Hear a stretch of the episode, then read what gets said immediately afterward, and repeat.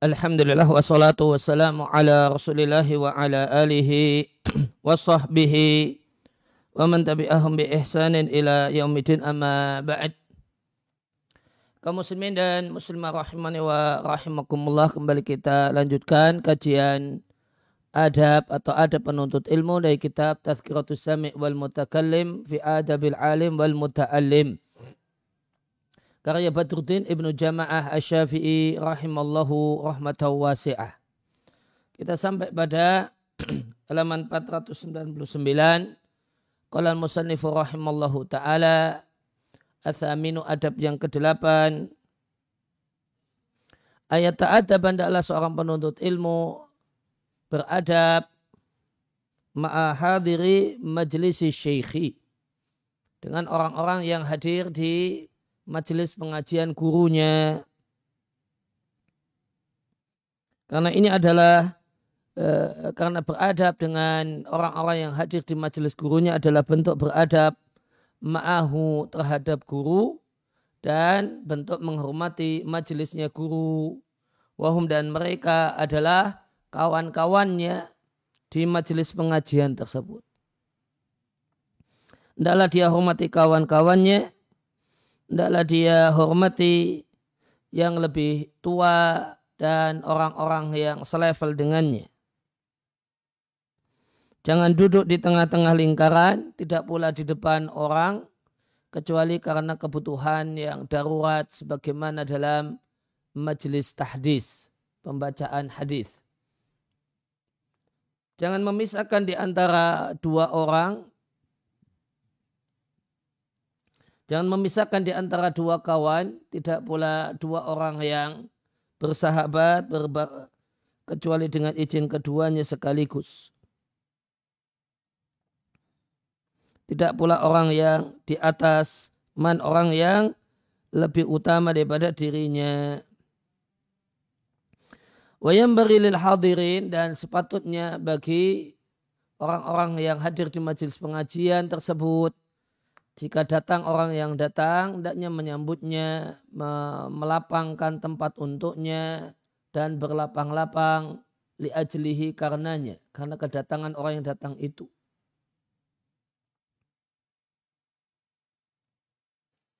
Dan tidaklah dia memuliakan orang yang datang tersebut dengan pemuliaan yang yukramu bihi mithluhu. Uh, yang layak untuk diberikan kepada orang semisal beliau yang datang itu. Kemudian wa idza fusihalau fil majlisi maka jika dilapangkan untuknya space untuk tempat duduk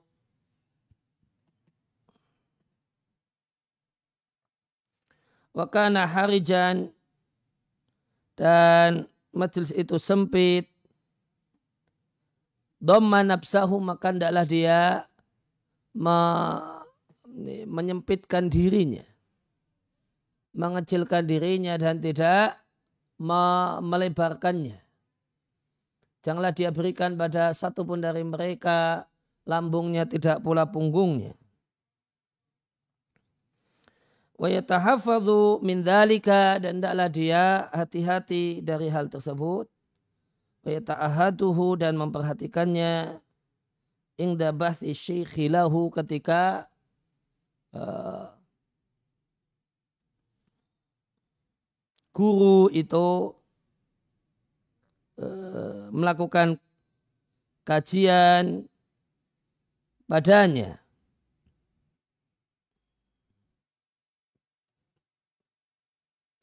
Walayajnah ala jarihi tidak pula mencondongkan badan pada tetangganya atau menjadikannya mirfaknya menjadikan mirfak. Mirfak itu sikunya itu tegak di di sampingnya.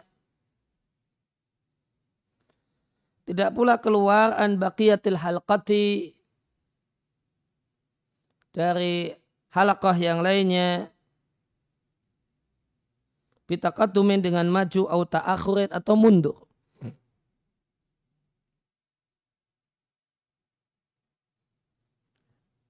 Wala yatakallamu fi athna'i darsi ghairihi tidak boleh demikian juga bagian dari adab tidak berbicara di tengah-tengah pelajaran orang lain atau pelajarannya dengan pembicaraan yang tidak berhubungan dengan pelajaran atau dengan pembicaraan yang itu memutus uh, pembahasannya. Wa idza sa'a jika uh, salah satu mereka telah uh, mulai fidarsin satu pelajaran memberikan satu pelajaran fala yatakallamu bikalamin maka jangan berbicara dengan satu perkataan yang ia ta'allaku berkaitan dengan bidarsin pelajaran yang telah selesai atau yang lainnya mima la tafutu atau yang lainnya yang belum terluput yang belum telah belumlah terlewat faedah tu faedahnya kecuali dengan izin dari guru dan pemilik pelajaran.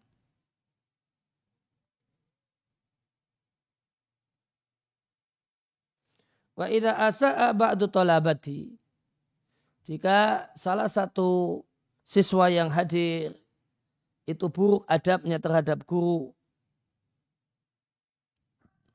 Jika sebagian uh, pelajar itu buruk adabnya dengan orang lain, maka tidak boleh ada orang yang menghardiknya kecuali guru. Ila kecuali dengan isyarat dari guru. Ausiran atau e, empat mata di antara keduanya ala sabili nasihati dalam rangka memberikan nasihat. Dan jika ada seseorang yang jelek adabnya dengan guru, ta'ayyana alal jama'ati, maka menjadi keniscayaan pada semua yang hadir untuk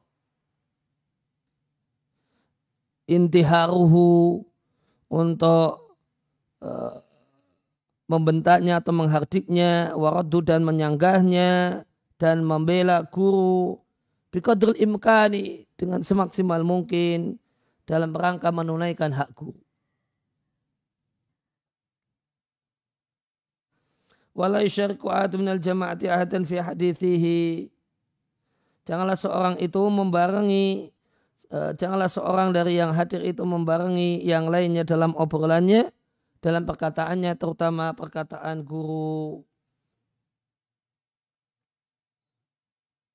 Sebagian ahli hikmah mengatakan minal adabi di antara adab syarika rajulu seorang itu tidaklah membersamai orang lain dalam pembicaraannya meskipun orang tersebut lebih berilmu dibandingkan orang itu wa ansadul khatibu fi hadal makani dan al khatib al akhbada dan al khatib al baghdadi itu membacakan syair dalam konteks ini. Wala tusyarik fil hadisi ahlahu wa in arafta far'ahu wa aslahu. Jala engkau membersamai fil hadisi dalam obrolan ahlahu orang yang mengobrolkannya. Wa in arafta meskipun engkau mengetahui cabang dan pokoknya fa in alima ithara ithara syekhi dalika jika seorang murid itu mengetahui dan yakin kalau guru itu mengutamakan, menyukai hal semacam itu. Atau al-mutakallim, orang yang berbicara itu suka. Jika dibersamai, maka tidak mengapa. Waqataqaddama dzalika dan itu telah lewat secara rinci di fasal sebelumnya.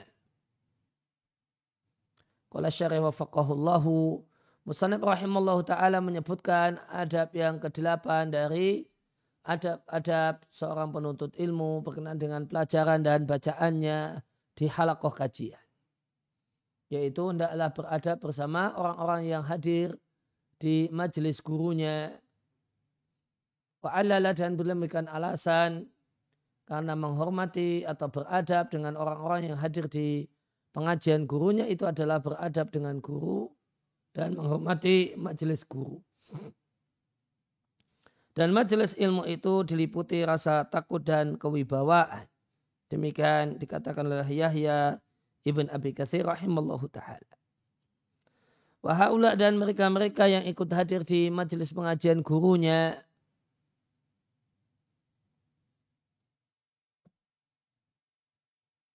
Mereka ini pada hakikatnya adalah kawan-kawannya, maka mereka memiliki hak sebagai kawan. Dan di antara hak kawan, dan di antara hak kawan adalah apa yang disampaikan oleh penulis, yaitu menghormati kawannya, menghormati seniornya, dan orang-orang yang selevel dengannya. Kemudian beliau sampaikan di antara adab duduk bersama uh, bersama guru adalah tidak duduk di tengah-tengah lingkaran. Diriatkan dalam hal ini hadis yang diriatkan oleh Abu Daud dan yang lainnya dari Hudzaifah radhiallahu anhu Nabi sallallahu alaihi wasallam melaknat orang yang duduk di tengah lingkaran namun sanatnya mengkotek sanatnya terputus uh, namun sanatnya daif karena terputus. Namun meskipun hadis yang daif, secara konten maknanya benar. Bahwa dan e, tindakan hal tersebut duduk di tengah-tengah lingkaran ada di antara hal yang menyelisih adab. Karena adab adalah seorang itu duduk di lingkaran. Maka jika tidak memungkinkan duduk di lingkaran, maka adalah duduk di belakang lingkaran. Kalau ini duduknya melingkar, maka ya adabnya adalah duduk di lingkaran itu. Kalau enggak ya di belakangnya. Bukan masuk kemudian berada di tengah-tengahnya. Hal itu terdapat dalam hadis Abu Waqid al-Laythi yang diatkan Al-Bukhari tentang kisah tiga orang yang melewati Nabi Shallallahu Alaihi Wasallam dan Nabi ketika itu di halakoh pengajian beliau. Maka salah satu dari tiga orang itu menjumpai ada celah di lingkaran, maka dia duduk di celah itu. Orang yang kedua duduk di belakang lingkaran. Sedangkan orang yang ketiga berpaling pergi meninggalkan halakah Nabi ketika itu. Bisa disimpulkan dari hadis ini bahasanya anal julusul muqaddam duduk yang dianjurkan adalah seorang itu duduk di lingkaran jika dia menjumpai celah pada lingkaran jika dia tidak jumpai padanya celah di lingkaran. Dan dia tidak menjumpai kelapangan di lingkaran. Yang memungkinkan untuk dia duduki maka duduk di belakang lingkaran. Jika datang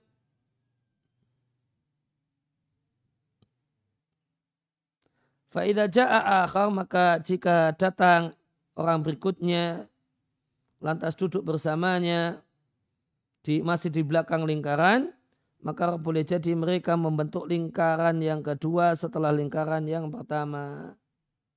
Warubama dan boleh jadi majelisnya itu demikian besar sehingga terdapat di majelis itu banyak lingkaran. Kemudian penulis juga menyebutkan di antara adab duduk adalah tidak duduk di depan seseorang. Kudam artinya amama, di depan. Karena hal tersebut min jumlati bagian dari yang uh, min jumlati bagian dari yang tercakup dalam makna saling memberikan punggung yang terlarang dalam hadis Abu Hurairah radhiallahu anhu dalam hadis yang sahih Nabi Shallallahu Alaihi Wasallam menyampaikan wala tadabaru Janganlah kalian saling membelakangi.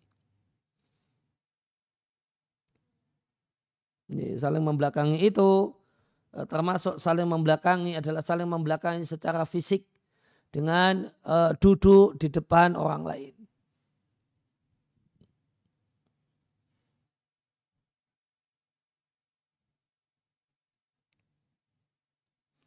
Wa urful Arabi dan telah menjadi budaya orang Arab adalah tidak mau seorang itu duduk di belakang orang yang memberikan padanya punggungnya. Karena dipunggungi gitu. Di hadha karena duduk di punggungi ini adalah bentuk meremehkan orang itu. Seandainya bukan karena keagungan syariat dalam jiwa orang Arab, tentu mereka tidak mau Nabi itu ada di depan mereka ketika sholat dalam keadaan memberikan punggung Nabi kepada mereka para sahabat. Akan tetapi tatkala watonatuhum asyariatu namun karena syariat itu telah tertanam pada mereka ini, atau syariat telah uh, watonatum memberikan menan, uh, menancapkan pada mereka ala haqaiki al muqarrarah hakikat-hakikat uh, syariat yang telah baku.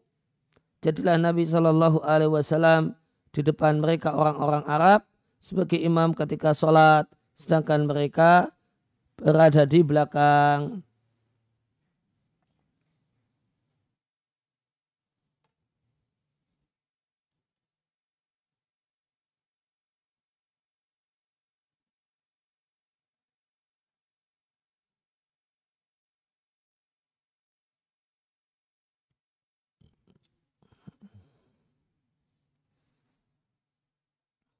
kita cek kosakata watonats.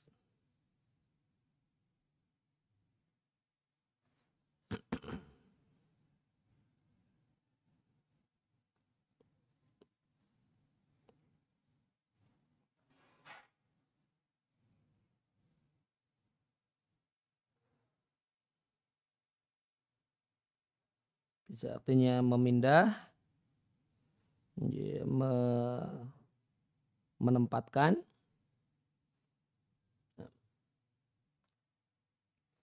syariat menempatkan berbagai macam hakikat eh, hakikat-hakikat syariat ini pada mereka sehingga mereka pun mau eh, Nabi di depan mereka maju di depan mereka dalam sholat dan mereka di belakang Nabi.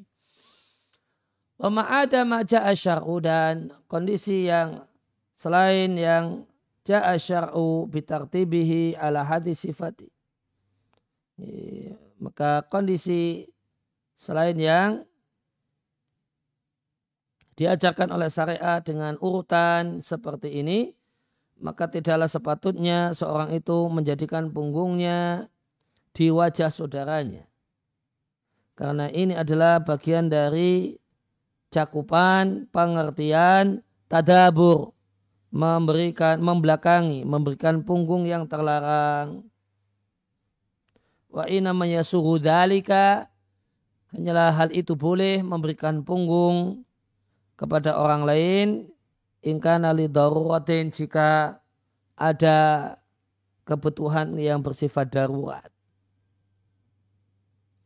Sebagaimana perkataan penulis ilali daruratin kecuali kondisi darurat semacam majelis tahdis majelis pembacaan hadis karena majelis Obama boleh jadi doko sempit fawaqa mislu hadah maka terjadilah semacam ini. ini.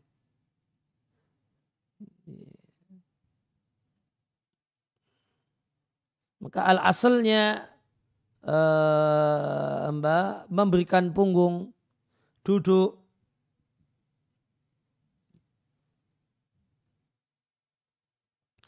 duduk semacam ini satu hal yang terlarang, tidak ada. Ini. Seorang itu menjadikan punggungnya di depan wajah saudaranya. Itu pada dasarnya uh, tidak sesuai dengan adab. Ya, kecuali dalam sholat ketika ada yang jadi imam, ada yang jadi sop pertama, sop yang kedua. Atau uh, kondisi yang mendesak dan mengharuskan demikian. Semacam eh, mungkin tadi pengajian, tempatnya terbatas sehingga mengharuskan ya, mengharuskan semacam itu.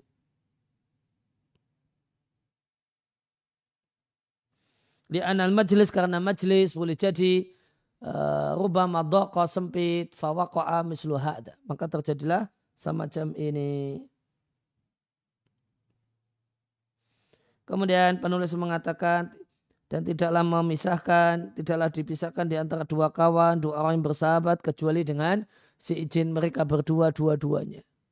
Tidak pula duduk di atas orang yang lebih utama daripada dirinya.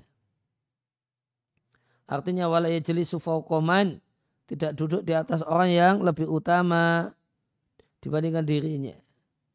Fauqiyah di sini lebih uh, di atas di sini bisa dengan melihat kedekatan dengan guru. Maka murid yang dekat dengan guru itu di atas orang yang uh, di bawahnya. Sedangkan orang yang di bawahnya itu lebih atas daripada orang yang di belakangnya. Maka orang yang dekat dengan guru itu posisinya dalam tanda kutip di atas orang yang di belakangnya. Dan orang yang di belakangnya di lapis yang kedua itu di atas orang yang di belakangnya lagi sampai akhir majelis. Kemudian penulis menyebutkan apa yang sepatutnya dilakukan oleh para hadirin ingda syekhi di depan guru hendaknya mereka melakukannya uh, ketika uh, yang sepatutnya mereka lakukan idza ja'ahum qadimun jika ada orang yang datang adalah mereka melapangkan dan meluaskan tempat dan berlapang-lapang di ajli karena datangnya orang yang datang dan memuliakannya dengan pemuliaan yang selayaknya diberikan oleh orang semisal itu. Wahadihi adabun dan ini adalah adab yang di, disebutkan dalam sejumlah hadis-hadis Nabi. Kemudian dan jika dilapangkan untuknya tempat duduk dan tempat duduk itu harijan aidaikan sempit. Maka adalah orang yang datang itu doma nafsahu.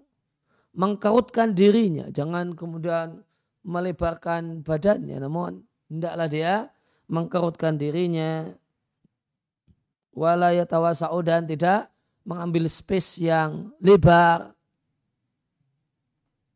Balia jelisu namun dia adalah duduk sesuai dengan kebutuhan tanpa berlapang-lapang yang ini membahayakan orang yang e, memberikan e, space untuknya. Kemudian janganlah dia berikan pada satupun dari mereka jambahu lambungnya ataukah punggungnya. Maka orang yang duduk di lingkaran, di situ ada gurunya. Layam barilau tidaklah sepatutnya baginya untuk anyuwalia ahadan memberikan kepada orang lain jambahu lambungnya tidak pula memberikan punggungnya.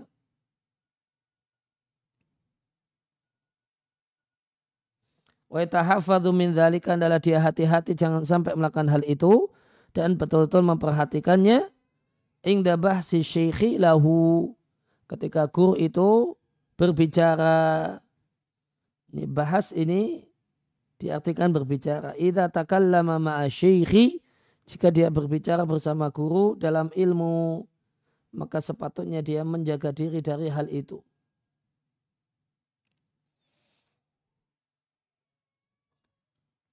Faidakan hada maka jika hal ini satu hal yang terlarang untuk orang yang duduk di lingkaran terlarang dia lakukan bersama kawan-kawannya maka kewajibannya bersama guru lebih besar lagi. Di antara tindakan yang tidak sesuai dengan adab adalah apa yang dilakukan oleh sebagian orang duduk di lingkaran kajian watajiduhu dan engkau jumpai dia orang ini menjadikan uh, lambungnya ke arah gurunya. Jadi gurunya menghadap ke arah timur, lantas ada orang yang murid yang duduk menghadap ke selatan. Ini duduk menghadap ke selatan atau duduk menghadap utara. Dia berikan lambungnya kepada gurunya. Ini tidak sopan ini ketika guru itu duduk mengajar menghadap ke arah timur, ya hendaknya ya, ya, ya, murid itu duduk menghadap ke arah barat. Jangan malah duduk menghadap ke arah selatan, dia berikan lambung kanannya kepada gurunya, atau duduk menghadap ke arah utara, dia berikan lambung kirinya kepada gurunya. Dalam tadi disampaikan oleh uh, penulis memberikan lambung ketika sedang ngobrol dengan kawannya itu tidak boleh. Berikanlah wajah. Berikanlah wajah dan dada ketika duduk dengan orang. Jangan memberikan, uh, jangan berikan padanya lambung. Lebih jelek lagi jika memberikan padanya punggung. Artinya membelakanginya. Nah ini kepada uh, kawan, maka gimana kepada guru? Tentu lebih jelek lagi. Nah, wal adabu yang namanya adab yang sopan adalah ini ayuk bil alaihi dia berikan pada gurunya wajahnya. Adalah dia, dia berikan ke pada gurunya wajahnya. Karena guru itu duduk menghadapnya. Sebagaimana guru itu duduk menghadap pada yang lainnya. Maka sepatutnya bagi murid untuk duduk bersama gurunya dengan adab, yaitu dengan memberikan wajah kepada guru. Sumakal kemudian penulis mengatakan wala jenah ala jari. Janganlah dia condong pada uh, tetangganya, tetangganya atau orang yang ada di sampingnya. Artinya janganlah ya ja'alhu dia jadikan orang yang ada di sampingnya itu seperti sayap baginya. Atau dia jadikan sikunya itu tegak berdiri e, fijambi di sampingnya. Karena ini berarti memperlebar space ini ya. Bihai suyu'lihi karena ketika uh, siku itu ditegakkan di sebelahnya maka ini yu'lihi ini menyakiti menyakiti tetangganya atau yakhud an baqiyatil halaqati atau dia keluar dari lingkaran yang lainnya dengan maju ataukah mundur. Ya, jadi pas duduk di lingkaran itu jangan maju sehingga berada di depan atau mundur. Li'anal adab karena adab fi hakiman jalasa fi halqatin untuk orang yang duduk di lingkaran adalah ayakuna ma'aha bersama lingkaran. Tidak di depan lingkaran, tidak di belakang namun pas di lingkaran itu. Maka riayat itu memperhatikan adab lingkaran. Jadi saat kajian itu seperti memperhatikan adab soft dalam sholat. Ya, maka ketika soft dalam sholat ya pas di barisannya. Ya, tidak tidak berdiri di depannya atau di belakang. Wal jumhur dan mayoritas para ulama fikih mengatakan bahasa ada berkenaan dengan sob dalam sholat. Hukum asalnya dia adalah min abu bin nawafil di antara hal yang hukumnya dianjurkan. Dan sebagian ulama fikih berpendapat mewajibkan sejumlah adab-adab tersebut namun bukan ini tempat untuk menguraikannya lebih detail. Lakin al-maksud namun intinya Anak riayat telah ada bisa maksudnya memperhatikan adab ketika kumpul bersama banyak orang saat sholat atau di halakah ilmu adalah di antara perkara yang diperhatikan oleh syariat dan syariat menjelaskan hukum-hukumnya. Wataqaddama dan telah lewat bahasanya sholat yang dilakukan oleh ya, yang di, sholat yang dikerjakan oleh banyak orang di masjid dikiaskan dengannya ilmu dalam banyak permasalahan. Karena telah lewat perkataan penulis yang mengatakan bahasanya ilmu itu sholatnya hati. Maka jika orang yang hadir di lingkaran, eh, di lingkaran, di halaka ilmu, ya, jalisan dia duduk di halaka, maka hakikatnya dia adalah orang yang sholat dengan hatinya. Maka sepatutnya baginya memperhatikan adab sholat hatinya.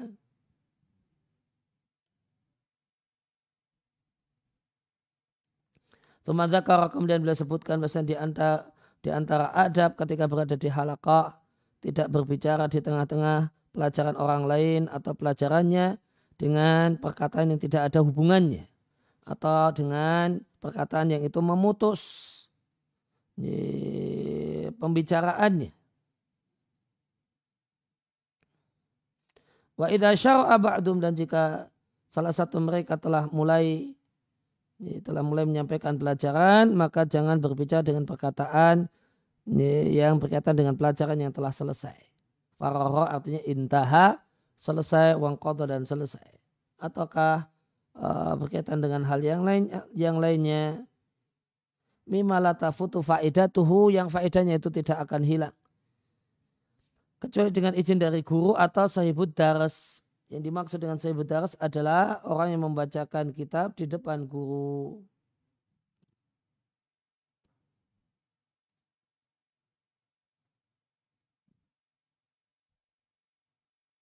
Dan di antara cara orang-orang terdahulu, uh, di antara cara mereka dalam mengajar fi masa di masa silam, masing-masing dari murid itu memegang bukunya masing-masing dan membacakannya kepada gurunya. Berarti namanya tempat kita modelnya setoran ya. Eh, namanya sorogan. Masing-masing pegang kitab dan masing-masing nanti maju ketemu guru membacakan kitabnya. Baru dan boleh jadi kumpul. Uh, nafarun yasirun sekelompok yang tidak banyak itu kumpul ala kitabin wahidin untuk satu kitab sehingga jadilah label Saibu Daras itu mencakup semuanya. Maka seandainya kita andaikan ada seorang yang membaca Sarah Alfiyah dan yang kedua membaca syarah kitab tauhid, yang ketiga membaca syarah arba'in, maka masing-masing dari mereka itu punya pelajaran yang khusus baginya. Maka tidaklah sepatutnya bagi siapa pun untuk ya ta'ada ala darsi khairihi, mendolimi pelajaran orang lain, dan tidak pula membicarakan dalam permasalahannya, Wala yatakallamu dan tidak berbicara fi masailih dalam permasalahan pelajaran orang lain kecuali dengan izin dari guru atau sahibud dars. Atau orang yang sedang membacakan kita.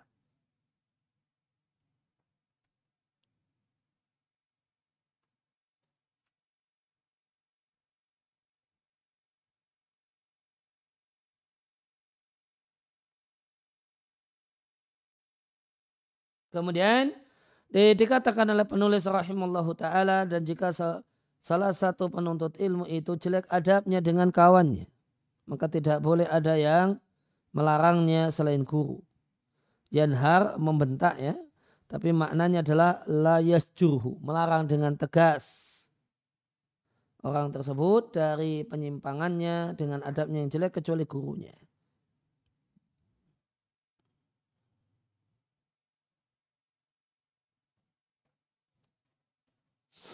Ila kecuali ayusira ahadun, kecuali jika ada seseorang yang berisarat ilahi kepadanya dengan satu hal, isaratan latifatan dengan isarat sekilas, tuna ibaratin tanpa ngomong, Faidah luhidha maka jika terlihat darinya adab yang jelek, maka kawannya berisarat kepadanya. Munabihan mengingatkannya, karena dalika sa'ikan maka itu boleh. Jadi kalau Eh, jika ada orang yang adabnya jelek, kalau yang boleh ngomong itu guru. Tapi kalau kalau yang lainnya bolehnya cuma berisarat. Menegur orang tersebut dengan berisarat, dengan isyarat yang lembut, isyarat yang sekilas, yang artinya tidak setuju dengan sikap semacam itu dan menilai itu adalah sikap yang buruk. Nah, maka ini boleh kalau sekedar isyarat. Adapun melarang dengan ucapan dan membentak dengan ucapan dan melarang dengan ucapan maka ini hanya hak guru. Jadi ketika di kelas itu ada misalnya ini guru di kelas jika di situ ada uh, tingkah pola yang uh, yang tidak bagus dari salah satu siswa yang punya hak untuk negur dengan lisan adalah guru karena guru tentu lihat ini, tentu guru lihat apa yang dilakukan oleh uh, para murid di depannya. Adapun yang lainnya itu cuma boleh berisyarat. Tidak boleh sambil ngomong. Mungkin kemudian di sampingnya kemudian uh, menepuk atau gini gitu. Ketika ribut gitu. Ya sampaikan pada temannya untuk begini. Syarat sekilas saja. Maka uh, itu diperbolehkan. Tapi nggak ngomong. Kalau ngomong, Itu hak uh, itu hak dan otoritas guru.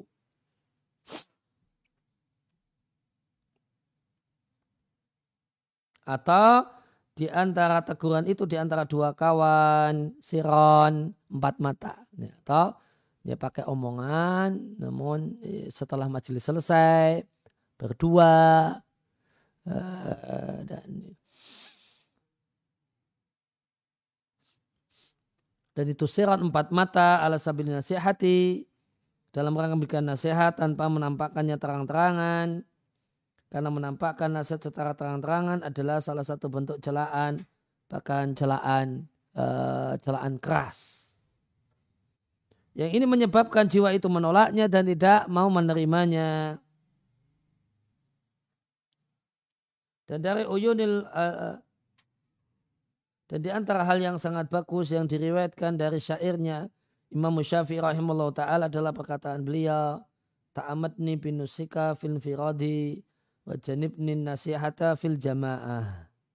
Bersengajalah memberikan nasihat kepada aku ketika aku sendiri. Jauhkanlah dariku nasihat ketika bersama banyak orang. Fa'ina nusa karena nasihat di antara banyak orang adalah satu bentuk minatobihi la arda sama'ah. Yang aku tidak ingin mendengarnya. Semakala kemudian penulis mengatakan dan jika ada seorang yang jelek adabnya dengan guru, maka menjadi keniscayaan atas semua yang hadir untuk membentak orang tersebut dan mencegahnya dan melarangnya. Sebagaimana para sahabat melakukannya bersama orang yang jelek adabnya bersama Nabi Shallallahu Alaihi Wasallam. Thumma kemudian jika mereka mereka ini telah melarang orang yang jelek adabnya dengan sang guru, melarangnya an dari penyimpangannya dari kelakuannya yang jelek intasaru maka mereka membela guru semaksimal mungkin dalam rangka menunaikan hak guru sesuai dengan apa yang jadi tuntutan keadaan dan apa yang jadi tuntutan syariat dan budaya. Maka bukalah yang di bukalah yang dimaksud dengan membela guru adalah at-taghayyudhu uh, membangkitkan amarah besar, adanya amarah besar kepada orang yang jelek adabnya dan interaksinya kepada orang yang asa al adaba yang jelek adabnya dan eh, menyikapinya dengan buruk akan tetapi yang jadi maksud dan tujuan adalah mencegah bahayanya dan kejelekannya. Faidah kufa jika orang tersebut telah bisa ditahan dan dikendalikan bi altafi amri dengan perkara yang paling lembut dan paling sebab yang paling mudah maka itulah yang diperintahkan.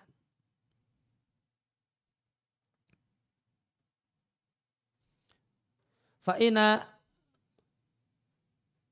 fa'ina hilakal ilmi maka lingkaran atau halakah ilmu itu memiliki adab tuhatu biha yang mestinya uh, lingkaran ilmu itu diliputi dengannya dengan berbagai macam adab tersebut. Walaysa minal adabil ilmi dan bukanlah bagian dari adab ilmu kegaduhan fi majalisihi di majelis ilmu kemudian teriakan suara keras di majelis ilmu bal yusjaru bahkan orang yang bikin suara gaduh dan teriak-teriak itu harus dilarang dengan larangan keras yang bisa menghentikan kejelekannya. Disebutkan oleh Ibnu Mufli rahimahullah taala di kitabnya Adab Syariah. Bahasanya Abu Abdullah Imam Ahmad bin Hambal memasuki satu halaqah pelajaran beliau di masjid. Lantas beliau lihat sebagian kawannya mendorong seseorang sambil mengatakan, ini musuh Allah.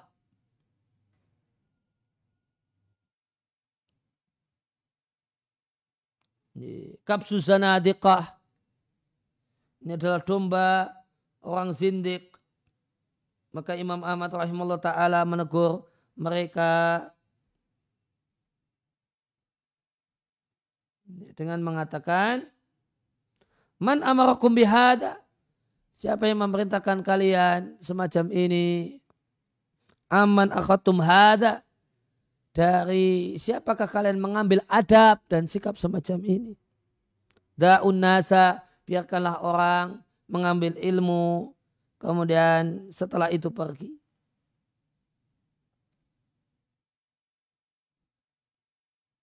Maka tidaklah sepatutnya bagi seorang pelajar untuk zalim dalam niat membela gurunya sehingga terjatuh dalam hal-hal yang tidak diizinkan oleh syariat. Bal yantasiru fi kafi syarari, syarari ahadin. Adalah dia yantasiru membela untuk mencegah kejelekan seseorang atau bahayanya di halakoh gurunya dengan pembelaan yang tidak menyelisihi adab. Dan Allah Subhanahu wa taala berfirman, "Innallaha yadfa'u 'anil ladzina amanu." Allah membela orang-orang yang beriman. Dalam dalam qiraah yang lainnya, "Innallaha yudafi'u." Ini Allah membela orang-orang yang beriman. Maka alul ilmi, maka para ulama Allah jadikan penjagaan bagi para ulama, penjagaan tanpa tentara, perlindungan tanpa harta, maka mereka dalam perlindungan Allah Subhanahu wa taala, dalam perlindungannya dan dalam perhatian Allah Subhanahu wa taala.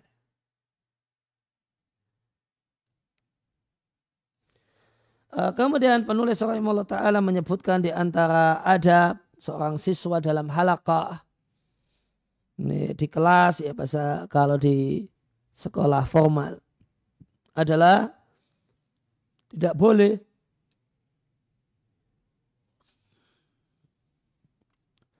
La yushariku ahadun minal jama'ati ahadan fi hadithi. Tidak boleh seorang itu membarengi uh, orang lain dalam pembicaraannya, terutama guru. Artinya jika ada seorang di halakah itu berbicara, maka hendaknya dia diam. Dan jika yang berbicara itu adalah guru, karena ahak bil insati, maka guru adalah orang yang paling berhak untuk mendapatkan diamnya para murid-muridnya. Wahada amrun adalah satu perkara yang demikian agung dalam jiwa. Karena mengendalikan lisan dan melipat uh, hamparan lisan sehingga tidak mudah-mudah untuk berbicara itu yaskulu ala nafsi. Itu satu hal yang berat bagi jiwa kecuali orang-orang yang Allah sayang jadi maka agung ini berarti artinya sulit. Wa ada amron ya'zumu ala nufusi ini satu perkara yang agung artinya sulit bagi jiwa. Nah, mengendalikan lisan, melipat uh, hamparan, melipat karpet, sehingga tidak berbicara, sehingga memilih diam itu satu hal yang berat bagi jiwa.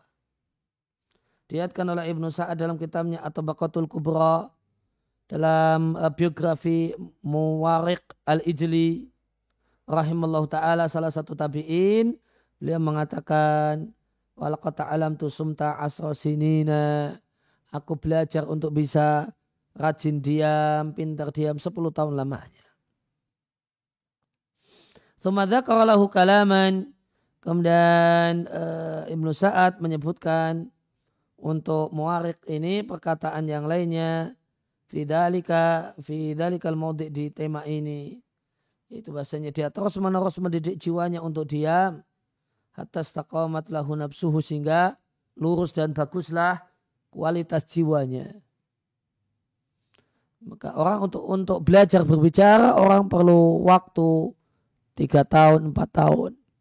Nanti anak kecil umur tiga tahun empat tahun udah pintar ngomong cerita macam-macam. Tapi untuk belajar diam tidak mudah komentar, tidak mudah uh, uh, ya komentar dan merespon itu perlu waktu yang lama.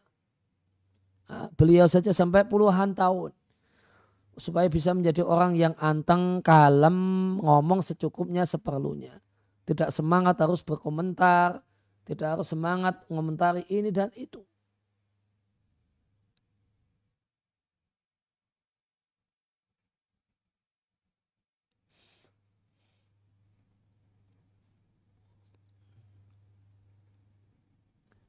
Wa a'zamu sumti dan diam yang paling penting adalah jika seorang itu di hadapan orang yang sedang ngomong. Fa in sumti maka diam yang paling penting adalah seorang itu mengendalikan lidahnya dan mendengarkan perkataan orang yang ngomong. Wa khilafu dan menyelisih hal ini adalah su'u adabin adab yang jelek.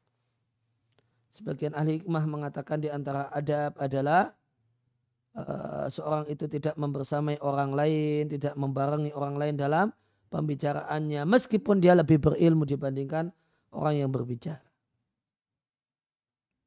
Diatkan oleh Al-Khatib eh, Al-Baghdadi di kitabnya Al-Jami' li akhlaqi rawi wa adabi sami' ada seorang yang i'tarada rajulan memotong pembicaraan orang lain. Dan ini terjadi di hadapan Atta bin Abi Rabah rahimallahu taala. Maka Atta berkomentar subhanallah mahadihil akhlak akhlak macam apa ini? Ada orang berbicara dipotong. Mahadil ahlam? Maka akal seperti apa ini? Sungguh aku mendengar satu hadis dari seseorang. Dan aku lebih berilmu dibandingkan orang tersebut dalam masalah hadis itu. Namun aku memper, menampakkan pada orang yang sedang berbicara tentang diriku bahwasanya aku tidak tahu apa-apa.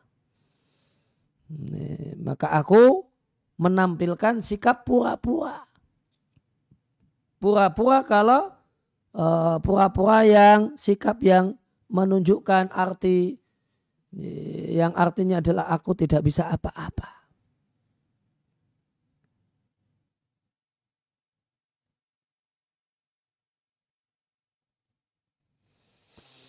Ini masa Allah akhlak yang luar biasa sekali ya. Dan, ini, dan orang yang memotong pembicaraan orang lain, menginterupsi, mengkat. Itu beliau komentari. Mahadil akhlaku. Akhlak macam apa ini? ini? Ada macam apa ini? Ada orang berbicara dipotong. Kemudian beliau contohkan adab yang luar biasa. Sungguh aku mendengar satu hadis disampaikan oleh seseorang dan aku lebih berilmu, lebih tahu tentang hadis tersebut dibandingkan orang itu. Namun yang kuperlihatkan padanya bahasanya aku tidak tahu apa-apa tentang hadis itu. Dan Al-Khatib Al-Baghdadi membawakan dalam uh, dalam uh, dalam topik ini di kitabnya Al-Jami' li akhlaqi rawi. Dan inilah yang dimaksudkan oleh penulis dengan perkataannya Al-Khatib Al-Baghdadi membacakan syair dalam tempat ini yaitu ha fi hadal maudi dalam pembahasan ini di kitabnya Al-Jami. Beliau bacakan perkataan sebagian ahli adah. La tusyarik fil hadisi ahlahu. Jangan engkau membersamai membarengi seseorang dengan obrolannya. When arafta far'ahu asal meskipun kau mengetahui cabang dan pangkalnya. Kemudian beliau menyebutkan pengecualian dari hal itu dengan mengatakan fa'in alima eh, itharo syekhi lidhalika maka jika tahu dan yakin kalau guru itu uh, mengutamakan hal semacam itu. Artinya guru menyukai ada yusyarika sahibu fil kalami. Suka kalau ada orang yang membersamainya dalam pembicaraan ini memberikan tambahan-tambahan atau alima mahabbatal mutakallimi seorang itu mengetahui kalau orang yang sedang berbicara itu suka ada tambahan-tambahan yang diberikan oleh pendengar bersamanya maka tidak mengapa dan ini telah lewat. Ya, demikian yang kita kaji kita kesempatan pagi hari ini wasallallahu ala nabiyina Muhammadin wa ala alihi wasallam wa akhiru da'wana alhamdulillahi rabbil alamin. Subhanakallahumma bihamdika asyhadu an la ilaha illa anta astaghfiruka wa atubu ilaik.